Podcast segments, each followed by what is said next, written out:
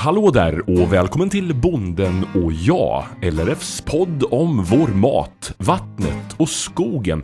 Kort sagt ämnen som berör oss alla. Och idag ska vi prata vildsvin, alltså grisen som funnits i Sverige i över 11 000 år. Men det var på 70-talet som stammen växte, det här efter rymningar ur hägn i Sörmland. Nu finns vildsvinen i hela Sverige och orsakar stora skador för lantbrukare i hela landet. En av dessa är Claes Rydberg i sörmländska Björkvik. Ja, vi sitter ju här nu hemma på Smedsbols gård. Och eh, som ligger i Björkvik. I hjärtat av Sörmland skulle jag säga. Jag, eh, eller vi, bedriver eh, växtodling. Ekologisk. Vi bedriver djurskötsel, eller djurproduktion. Vi har dikor och vi har eh, lammproduktion. Jag tog väl över efter farsan här på ja, det var 90, sent 90-tal kanske eller något sånt. Eller 2000. Nej, det måste vara 2000 måste det vara. Han är helt vilsen i tiden. Men du har varit med ett tag i alla fall? Ja, jag är ju uppvuxen här så jag har ju varit med sedan barnsben. Så alltså, så är det. Om man då skulle gå in på ämnet vildsvin, den tiden du har varit med, det är några år. Hur vill du beskriva förändringen? Ja, när, när de väl kom, alltså de första, första spåren vi såg, för jag jagar ju också. Och eh, när vi såg de första vildsvinsspåren i snön, då var det ju jättespännande. Alltså det var ju, oj, vilken grej. Men eh, det har ju förbytts till något annat kan man säga. Nu är det ju en plåga. Nu är det en plåga. När det var spännande för vad, vad tänkte ni då liksom? Vad var det som var så spännande? Ja, det är ett nytt viltslag. Alltså det, fanns, det finns ju mycket myter om vildsvin och det finns ju ja, mycket runt om som eh, ja, var nytt och spännande. Och en helt annan form av jakt. Alltså, så fort vi fick eh, syn på ett vildsvinsspår då var det ju, nu måste vi åtla. Nu måste vi lägga ut spannmål och ärtor och majs och grejer i skogen för att nu ska vi sitta på nätterna och skjuta de här. Men att, eh, ja. Såg ni några möjligheter då? Vad tänkte ni?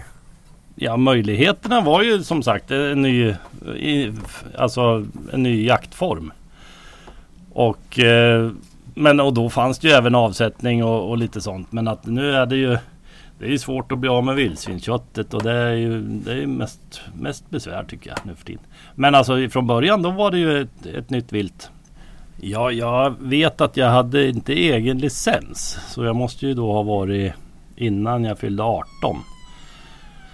Och nu är jag 52. Vad blir det? När kan det ha varit då?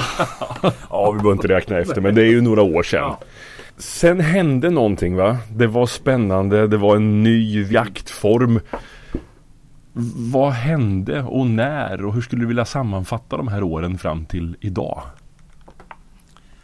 Ja det har ju gått överstyr. Alltså det är ju, och det är inte bara vildsvinen utan eh, Men det ska vi prata om idag. Men att det, det gäller allt, allt vilt. Det har ju blivit på tok för mycket av allting det, man ser inte vad det egentligen kostar. Alltså man, man, man glömmer bort det på något vis. Jag vet inte, Jordbruksverket hade väl någon, någon form av eh, undersökning om det var, ja det är väl en 4-5 år sedan. När de kom fram till att det var vildsvinsskador i Sverige för 1,5 miljarder. Och jag menar, det är ju ja, det är hål i huvudet att hålla på. Alltså, så, så, är det ju. Om vi går tillbaka i tiden så ja, det har varit mycket, mycket jakt och mycket vildsvin och, och en viss avsättning fanns ju men det var inte så jättebra betalt. Så att, eh, men då började jag på att grilla vildsvin. Så jag åkte runt då och helgrilla vildsvin på somrarna på olika evenemang och diverse. Och då var vi väl någonstans år 2000 tror jag jag började på riktigt. Och det fortsätter jag med nu med. Men, att, eh, men, men där såg du en liten affärsmöjlighet? Ja, från början så var det lite roligt. Då hade jag ett, eh, jag och en kompis, han hette också Klas. Liten firma som vi, vi klassade oss, eller vi, vi kallade oss Klasses Nassar. Åkte runt på somrarna. Och grillade och det var kul. Så visst, det vart, eh, det vart ju business av det där också. Men kunde du ana då på den tiden att vi skulle sitta här en dag och prata om att vildsvinen det är alldeles för många. De förstör. Vi ska gå in på skador och sånt sen vad du är med om. Hade du någon aning om hur du skulle bli? Nej, det kan jag inte säga. Det var ju, och det var ju politiskt, alltså det var ju... De skulle ju inte finnas från början. Utan det var ju rymlingar uppe i, utanför Vagnhärad som, som startade här. Men att eh, det fanns ju ett liten, en liten brasklapp där att de, de, de ska dock inte göra allvarlig skada i jordbruket. Så beslutade de då och jag vet inte hur de tänkte. Om de nu gjorde allvarlig skada, vad gör man då? Beskriv läget idag då. Hur drabbas du av vildsvinsstammen? Ja, det är ju framför allt skulle jag säga att det är ju för min del som, som har Ja, jag har ju vall till, till djuren då, men inte, inte någon jättemycket om man säger. Min, min största, mitt största ben i företaget är ju växtodlingen. Så för min del så är det ju trampskador och, och betskador i spannmålen. Men eh, för en, en kobonde alltså, då är det ju riktiga bekymmer om de börjar böka upp vallarna. Mm. Med jordinblandning i ensilaget och hela den där biten. Hur omfattande är skadorna här hos dig? Hur påverkar det verksamheten? Det är jättesvårt att sätta pengar på. Jättesvårt att säga om det är det ett vildsvin som har gjort skadan eller är det hjortarna eller är det... Ja, man vet ju inte. Utan, eh, jag skulle säga att jag har väl i alla fall 10% 10-15% årliga skador har jag ju i spannmålen. Alltså sammantaget viltskador då. Och vildsvinen står väl för den största delen kan man väl säga på vissa marker. På andra marker då är det inga vildsvin alls utan då är det bara hjortarna som gör skador. Vi ska kolla på några skador och åka bort och kika här om en liten stund. Men för de som lyssnar som inte har en aning om eh, den här utmaningen om hur ni jobbar och vad man kan göra. Kan man göra någonting i ditt fall för, för att slippa de här skadorna på något sätt? Ja, de möjligheter som erbjuds idag med, med dagens regelverk så är det ju alltså vaka sommarnätterna igenom bevaka eh, fälten och, och skjuta de grisar man ser. Gör, sitter du på sommarnätterna och gör det? Ja, det är en del av, av eh, företagandet, alltså en del av jordbruket. Jag måste göra det för annars så, då bär det iväg. Så minst varannan natt måste man vara ute. Men jobbar du på dagen då också eller? Jag menar, många sover på natten också och känner att man hämtar kraft till nästa dag där. Det är ju det som är problemet då. Nu som jag sa så börjar jag komma upp i åren så att eh, jag är inte 20 längre. Men att eh, jag har ju, jag tar ju hjälp av kompisar och, och som hjälper till då. Och sitter och vakar och, och det där är ju också svårt för eh, Ja vi har, ju, vi har ju lite samarbete med Jägarförbundet och vi har sagt det finns ju någon sån här vildsvinsjouren eller vad det heter vi startar då. Att man ska kunna ringa och, och ta hjälp av, av jägare som inte har någon jaktmark. Men att eh, hur det än är så vill jag ha koll på vad, vad som händer på min mark. Alltså jag kan inte släppa ut vem som helst och tro att det ska liksom sköta sig självt. Det funkar inte så. Varför inte? Nej men alltså det är ju som jag brukar säga det är ju alldeles för lätt att ta jägarexamen. Alltså jag vet ju inte vad det är för folk där utan jag, jag är noga med vilka det är som hjälper mig i, i den här skyddsjakten. Så är det. Det kan gå åt pipsvängen om någon som du inte känner till kommer hit och börjar skjuta helt enkelt. Det är det du menar? Ja, precis. Och det är ju liksom det är ju trots allt säga vad man vill men det är ju ett levande djur. Så det måste ju liksom vara någon form av ordning och reda. Den här jouren du pratar om, vad är det för någonting? Ja, det var någonting vi startade för eh, tre, fyra år sedan kanske. Tillsammans med Jägarförbundet då. Att eh, man kan anmäla sig eh, dels markägare eller bönder då som, som vill ha hjälp. Just att bevaka fälten under sommarmånaderna. Och sen eh, kan även jägarna anmäla sig då som frivilliga och hjälpa till. Men det har funkat sådär då tycker du eller?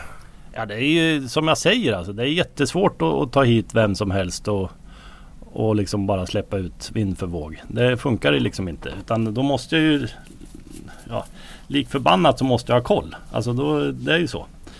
Men däremot så skulle det ju kunna funka om eh, de befintliga jaktlagen. Alltså om jag har jakten utarrenderad till någon. Att de tar in nya jägare som hjälper till och, och liksom skolar in i det här. För det är inte helt enkelt heller.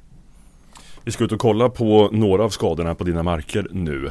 Innan vi hoppar in i någon typ av bil eller fordon vill jag bara kolla. Vad tror du om Naturvårdsverkets planer och mål? Halvera vildsvinsstammen till 2025. Ja, ska vi lyckas med det, då, då måste vi luckra upp regelverket. Vi måste liksom eh, få ta till vad som står till bud så att säga. Alltså vi måste ju dels använda drönare. Vi måste eh, kanske tillåta jakt från motorfordon. Vi måste titta över utfodringen. Utan jag tror, ja det är ju, det, det är ju bra att man har ett sådant mål. Men att eh, till synes och sist så, så ligger det mycket i ett markägaransvar vad man gör på sin mark. För det finns ju trots allt de som, som försöker leva på jakten. Och de vill ha mycket vildsvin. Och ett, eh, alltså det är ju på sin mark då. Men att eh, det vet ju inte vildsvinen om. Utan de går ju lika gärna hos grannen som kanske inte vill ha något alls. Det finns mycket att prata med dig om. Ska vi ta och, och, och kolla? Det kan vi göra. Du, jag ser att de står och fixar med skördetröskeln där nere. Gått sönder. Ja, den gjorde ju det här igår när det var 30 grader varmt. Så då satt jag och tröska i en bastu kan man säga. För AC'n gick paj. Oj, och igår var det årets varmaste dag ska vi säga. Ja, det kände jag. Men du, ingen AC och den lille glashytten där. Hur länge satt du där? Ja, det vart väl i alla fall en eh, 8-10 timmar eller någonting. Det gick åt eh, fyra sådana petflaskor med vatten. En och en halv liters.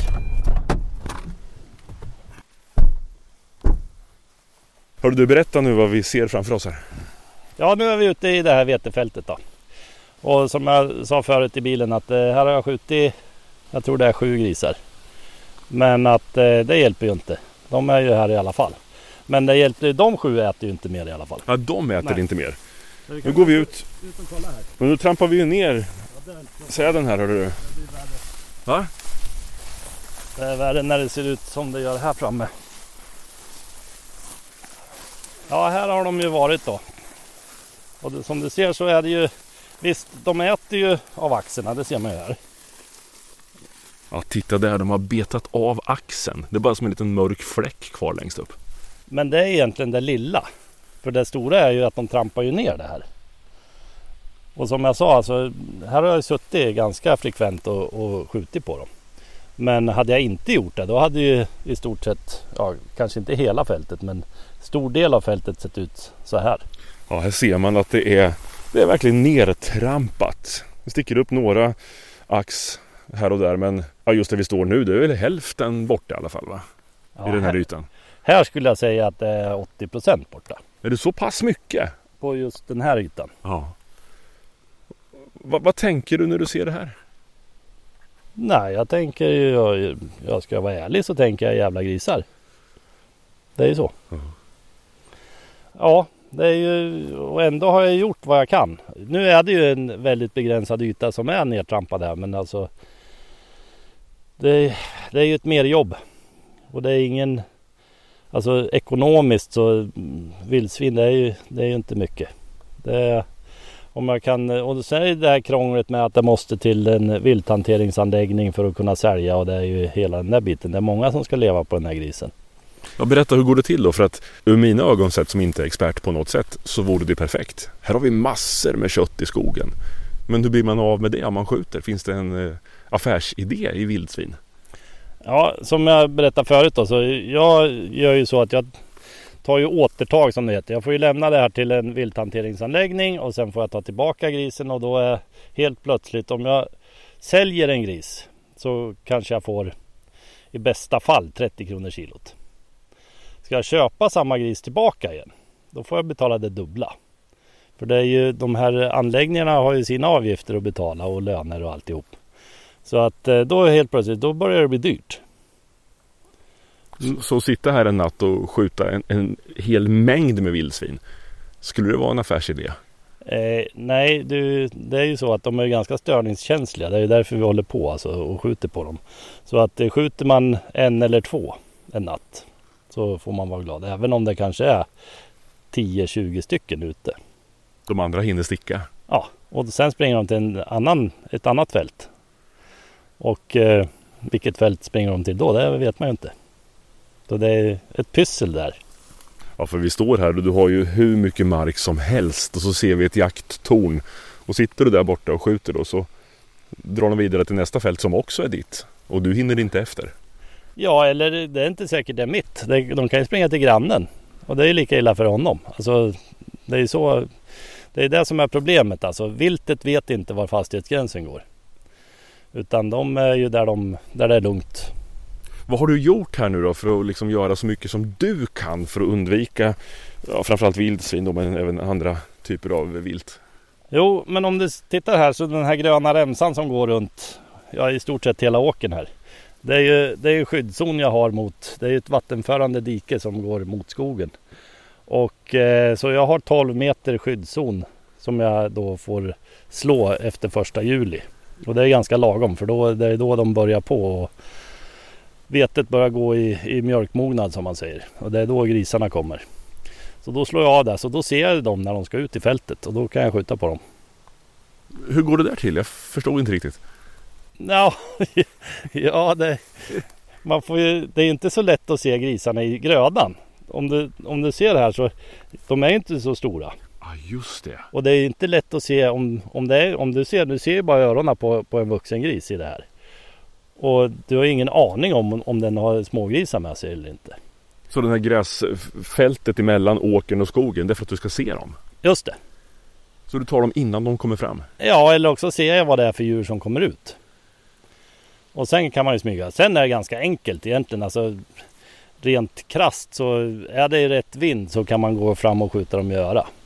De är ganska korkade på det viset. Men, men att eh, det gäller ju att veta vad det är för gris man skjuter. Men skyddszonen här, är det mark som du skulle kunna odla på? Blir det en kostnad för dig att inte odla hela vägen fram till skogskanten? Ja, så är det ju. Nu har jag ju egna djur så jag kan ju ta en skörd på det här, en vallskörd då. Men den här ska ju ligga i minst fem år. Det är ett åtagande jag har mot, mot eh, ja, Länsstyrelsen eller Jordbruksverket. Så att eh, den vallen blir ju sämre och sämre. Men eh, det är ju ingen vall, det är ju en skyddszon. Men nu då så är ju målet att halvera vildsvinstammen till 2025. Det låter jättelångt borta men det är fem år. Ja, det går inte. Det kan jag aldrig tänka mig. Det går inte? Ja, jag vet inte vad man ska göra. Alltså, vi har ju gått, det har ju gått för långt. Det finns vildsvin eh, i hela södra Sverige nu. Och skulle vi ha gjort något så skulle vi ha gjort det från början. Och det... Vad är det som gör att det inte går då? Om vi liksom gör en kraftansamling nu och, och skjuter av stammen. Eh, det är omöjligt eller? Ja men så länge det finns de som inte vill det. Alltså markägare som eh, känner, nej men vadå, jag vill ha mina, jag vill ha mina grisar. Och det inte finns någon reglering när det gäller utfodring överhuvudtaget. Utan man kan tippa, ja nu, man får ju inte göra det men det, det sker ju i alla fall. Att man tippar sockerbetor och man tippar spannmål och, i stora mängder. Och då, det är inga, inga vildsvin, alltså kultingar. De föds ju då i slutet på december, i början av januari, februari där någonstans. Och är det en riktig vinter då är det inte lätt för de här små kultingarna att klara sig. För det är inte så lätt att hitta mat för, för moderdjuren då. Men som det är nu så det finns ju foderplatser överallt. Så de klarar sig. Men om man tittar på ansvaret då. Vi pratade förut om att eh, när du tänkte tillbaka i tiden när ni satt där och du var knappt 18. Ni såg första spåren och tyckte det var lite ja, men spännande med en, en ny jaktform.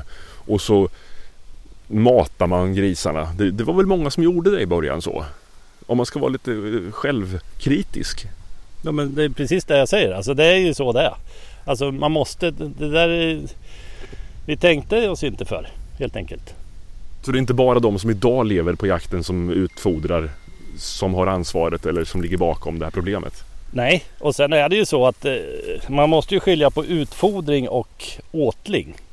Åtling det är ju, det är ju en jaktform och det är, det är en väldigt effektiv jaktform när det gäller vildsvin. För då sitter man ju matar dem med liten mängd foder med typ sådana här foderspridare. Och sen sitter man där och skjuter dem. Men de där foderspridarna de ska ju inte vara någon utfodring utan de ska ju bara sprida liten mängd och man ska sitta där och skjuta de grisar som kommer. Mm. Och ett tips där är ju att eh, orkar man inte sitta där varje natt så sätt dit en fälla då. Då jagar någon där varje natt. För det finns ju fällor som är godkända som man kan använda då. Kan det vara en lösning tror du? Nej, det tror jag inte är lösningen utan jag tror att eh, det måste till ett, eh, ett gemensamt ansvar från hela markägarkåren. Alltså, det jag gör på min mark ska inte drabba någon annan negativt.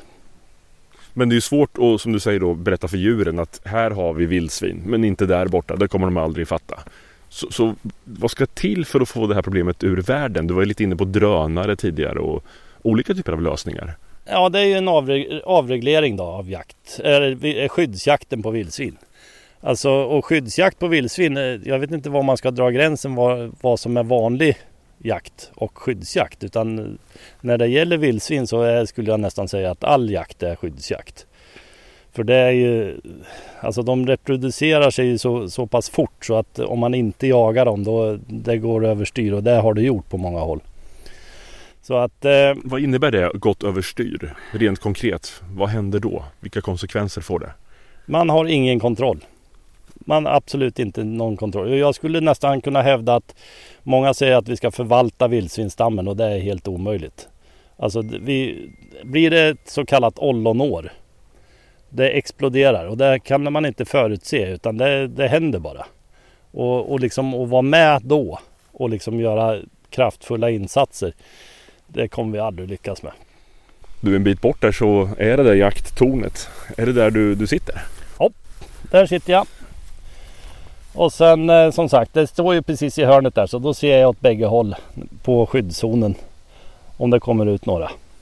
Fast du på riktigt, om du jobbar på dagtid och sen varannan natt säger du, sitter du där? Det, det funkar ju inte, eller? Nej. Det med sömn. ja.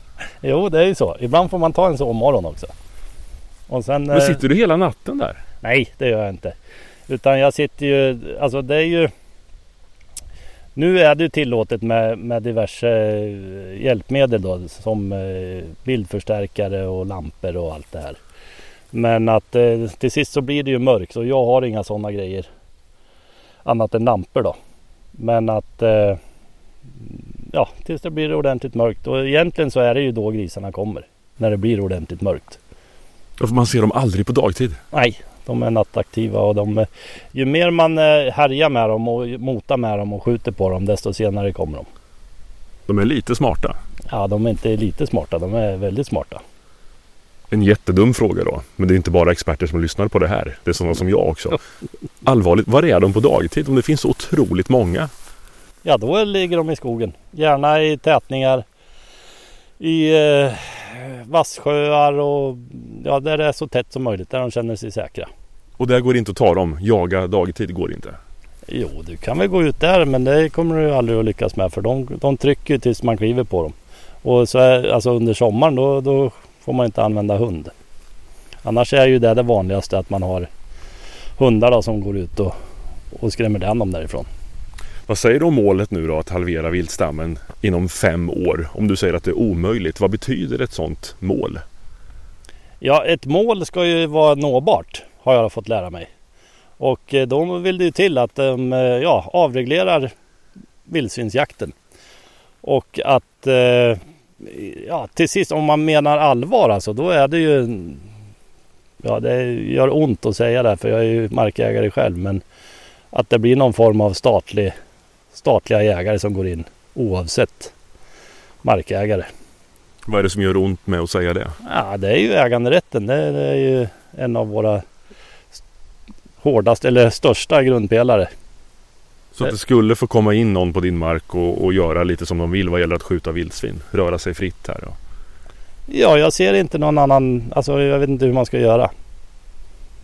Om det inte blir så, om man inte når det här målet, vad ser du för framtid då? Ja, på vissa håll då, då går det inte. Alltså då kommer jordbruket läggas ner. Alltså eh, är man granne med någon som bedriver ja, typ viltbruk eller har jakten som sin största inkomst. och, och det inte blir någon form av eh, ja, lagstadgat vet jag inte men att man, man får hängna in sin mark alltså.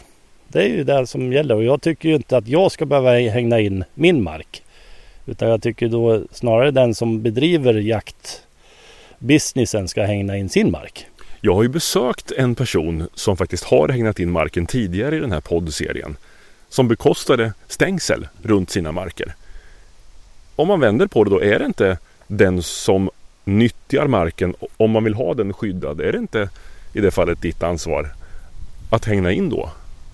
Ja men det är ju som jag sa förut att eh, det är ju ett markägaransvar. Att det jag gör på min mark det, det ska inte drabba någon annan. Och så gäller ju med allting annat. Jag menar om, om jag nu inte skulle vara ekologisk utan jag fick eh, med, med kemisk bekämpning ha ihjäl ogräsen och det råkar blåsa in så grannens tomatodling dör. Då är jag ansvarig för det. Det är ju så det funkar och det är precis samma sak med det här. Ändå inte då, uppenbarligen. Hur är det med förståelsen mellan eh, er som eh, nyttjar marken till grödor och de som använder marken till eh, ja, jakt till exempel? Ja, det är säkert på många håll så funkar det säkert bra, men på andra håll så funkar det inte alls. Det är ju, man är sig själv närmast, så är det ju. Och det här du säger att det kommer inte, det kommer inte funka att bedriva lantbruk om man inte lyckas få ner viltstammen. Tror du det på riktigt? Att det går inte att bedriva lantbruk i Sverige på grund av viltet? Ja, nu ska vi inte dra hela Sverige alltså så, men att på vissa håll här i Sörmland så är det så redan. Alltså det, det odlas inte utan man, eh, man eh, sår in gräs och så putsar man och det är det man gör på sin mark. Och man köper, det blir sådana, eh, alltså det behöver inte vara stora gårdar utan det kan ju vara 200 hektars gårdar som någon kapitalstark jaktintresserad köper för att ha och jaga på. Och sen, eh, ja, sen, sen blir det som det blir. Om du får önska lite nu då, när vi står på ditt fält här och tittar på den nedtrampade sådden det är för sorgligt det måste jag säga. Alltså, jag tycker det ser tråkigt ut, jag håller med dig. Om du får önska, vad ska till för att det här inte ska se ut så här nästa år? Oj, nästa år? Ja, ja eller om ja. fem år eller sådär. Om du bara får önska att nu, nu är problemen borta, nu är alla nöjda och glada. Ja, men om vi säger så här då. Okej då, men då är det ju stängsel. Skulle jag säga. Som det ser ut idag. Vi kommer inte lyckas skjuta, skjuta ner vildsvinsstammen till hälften. Det kan jag aldrig tänka mig. Och lyckas vi med det så tar det kanske två år. Sen är vi tillbaka igen. Alltså det är ju det är en viltart som inte går att förvalta. Stängsel säger du. Vad skulle det kosta här? Hur mycket mark har du? Ja, jag, jag driver, eh, det är väl ungefär 200 hektar som jag har växtodling på då och eh, jag vet inte vad det skulle kosta. Har du räknat på det? Nej, det har jag inte gjort. Vad och, tror du? Nej men alltså det är inte bara så utan där vi står nu det är en, en arrenderad mark. Den, jag äger inte den här marken där vi står nu.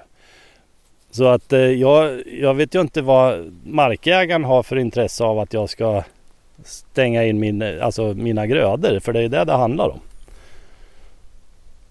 Så att eh, det är, inte, det är en komplicerad fråga det där. Och, ja, det är ju kulor och krut. Så enkelt är det. Avreglera. Låt oss skjuta dem från motorfordon och använda drönare. Och har jag en helikopter så ja, då ska jag få använda den. Det är ju liksom avreglera. Hur långt borta ligger det tror du? Förhoppningsvis ganska nära i tiden. Vi går ju väldigt små steg framåt hela tiden. Jag menar det är ju det är inte många år sedan det inte var tillåtet att använda rörlig belysning när man skyddsjagar vildsvin. Då fick man fråga om lov hos Länsstyrelsen. Det är ju bara ett par år sedan det vart, eller förra året till och med tror jag, som man fick använda det. Och nu får vi använda ja, andra hjälpmedel också då. Som bildförstärkare och annat. Hur stor är förståelsen tror du för eh, problemen som vi ser här nu att viltet har trampat ner dina grödor bland eh, beslutsfattare och andra markägare och konsumenter? Och... Ja, just när det gäller vildsvin så tror jag att förståelsen är ganska stor. För det är så väldigt påtagligt vilka skador de kan göra. För de är inte bara i min spannmål utan de kan ju lika gärna vara på en golfbana eller en fotbollsplan eller en trädgård. Och det syns ju direkt, alltså när de bökar upp Och, och, så det, det, är ju väldigt pedagogiskt om man säger. Det, det förstår ju folk. Det är ju värre med de andra viltarterna då, som man ser kanske inte skadorna utan med blotta ögat utan det är ju det är liksom lite här och där. Du har varit med ett tag nu Claes. Eh, när du ser det här när du kommer ut på morgonen och det är ytterligare skador. Har du vant dig lite och tänker okej, okay, det var den biten också? Eller vad känner du? Jo men så är det ju. Alltså det här har vi hållit på nu i snart 30 år. Och det blir ju inte bättre utan det blir snarare tvärtom. Och i år vet jag inte, alltså så mycket kultingar som jag har sett i år det har jag nog aldrig gjort tror jag. Så att det lär ju bli än värre. Vad tänker du när du sitter i jakttornet där borta på natten då?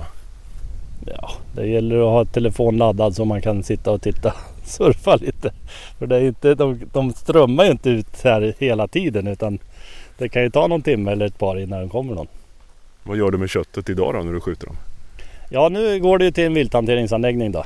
Och sen eh, mycket återtag i och med att jag har min andra business och åker runt med och grillar. Just i år så har det varit väldigt dåligt med det i coronatider. Det finns ju inga som anordnar fester längre. Förståelsen är ju faktiskt eh, stor när det gäller just vildsvin hos allmänheten. För när jag står där så kommer de ofta fram. Ja, där, där de ska ligga säger de. De flesta. På grillen, ja där, där ska de ligga. För det är jätte, jättegott alltså. Det är ju en bra råvara och det är go, gott kött. Men det, det blir för mycket. Men om det är så gott kött och bra råvara. Varför ser vi inte mer av vildsvinsköttet i butiker och så? Det finns ju hur mycket mat som helst i skogen här då. En jättebra fråga. När vi importerar och sådär. Nu kanske jag blandar äpplen med päron men förstår du vad jag tänker på? Ja, jag förstår precis och jag har ingen aning. Alltså jag tycker det också är jättekonstigt. Vi skjuter väl eh, runt, vad är det, lite drygt 100 000 grisar om året i Sverige. Och eh, du kan inte gå till vilken handlare som helst och hitta vildsvinskött. Det finns liksom inte. Så det är, ja, någonstans är det galet. Alltså det är Livsmedelsverket, de har sina avgifter på de här hanteringsanläggningarna och det är liksom staten ska in sina pengar också på något vis. Vad tror du om framtiden nu då? Jag är optimistisk. Så länge grisarna kommer ut i, i, min, i mina fält så då kommer jag med kulor och krut.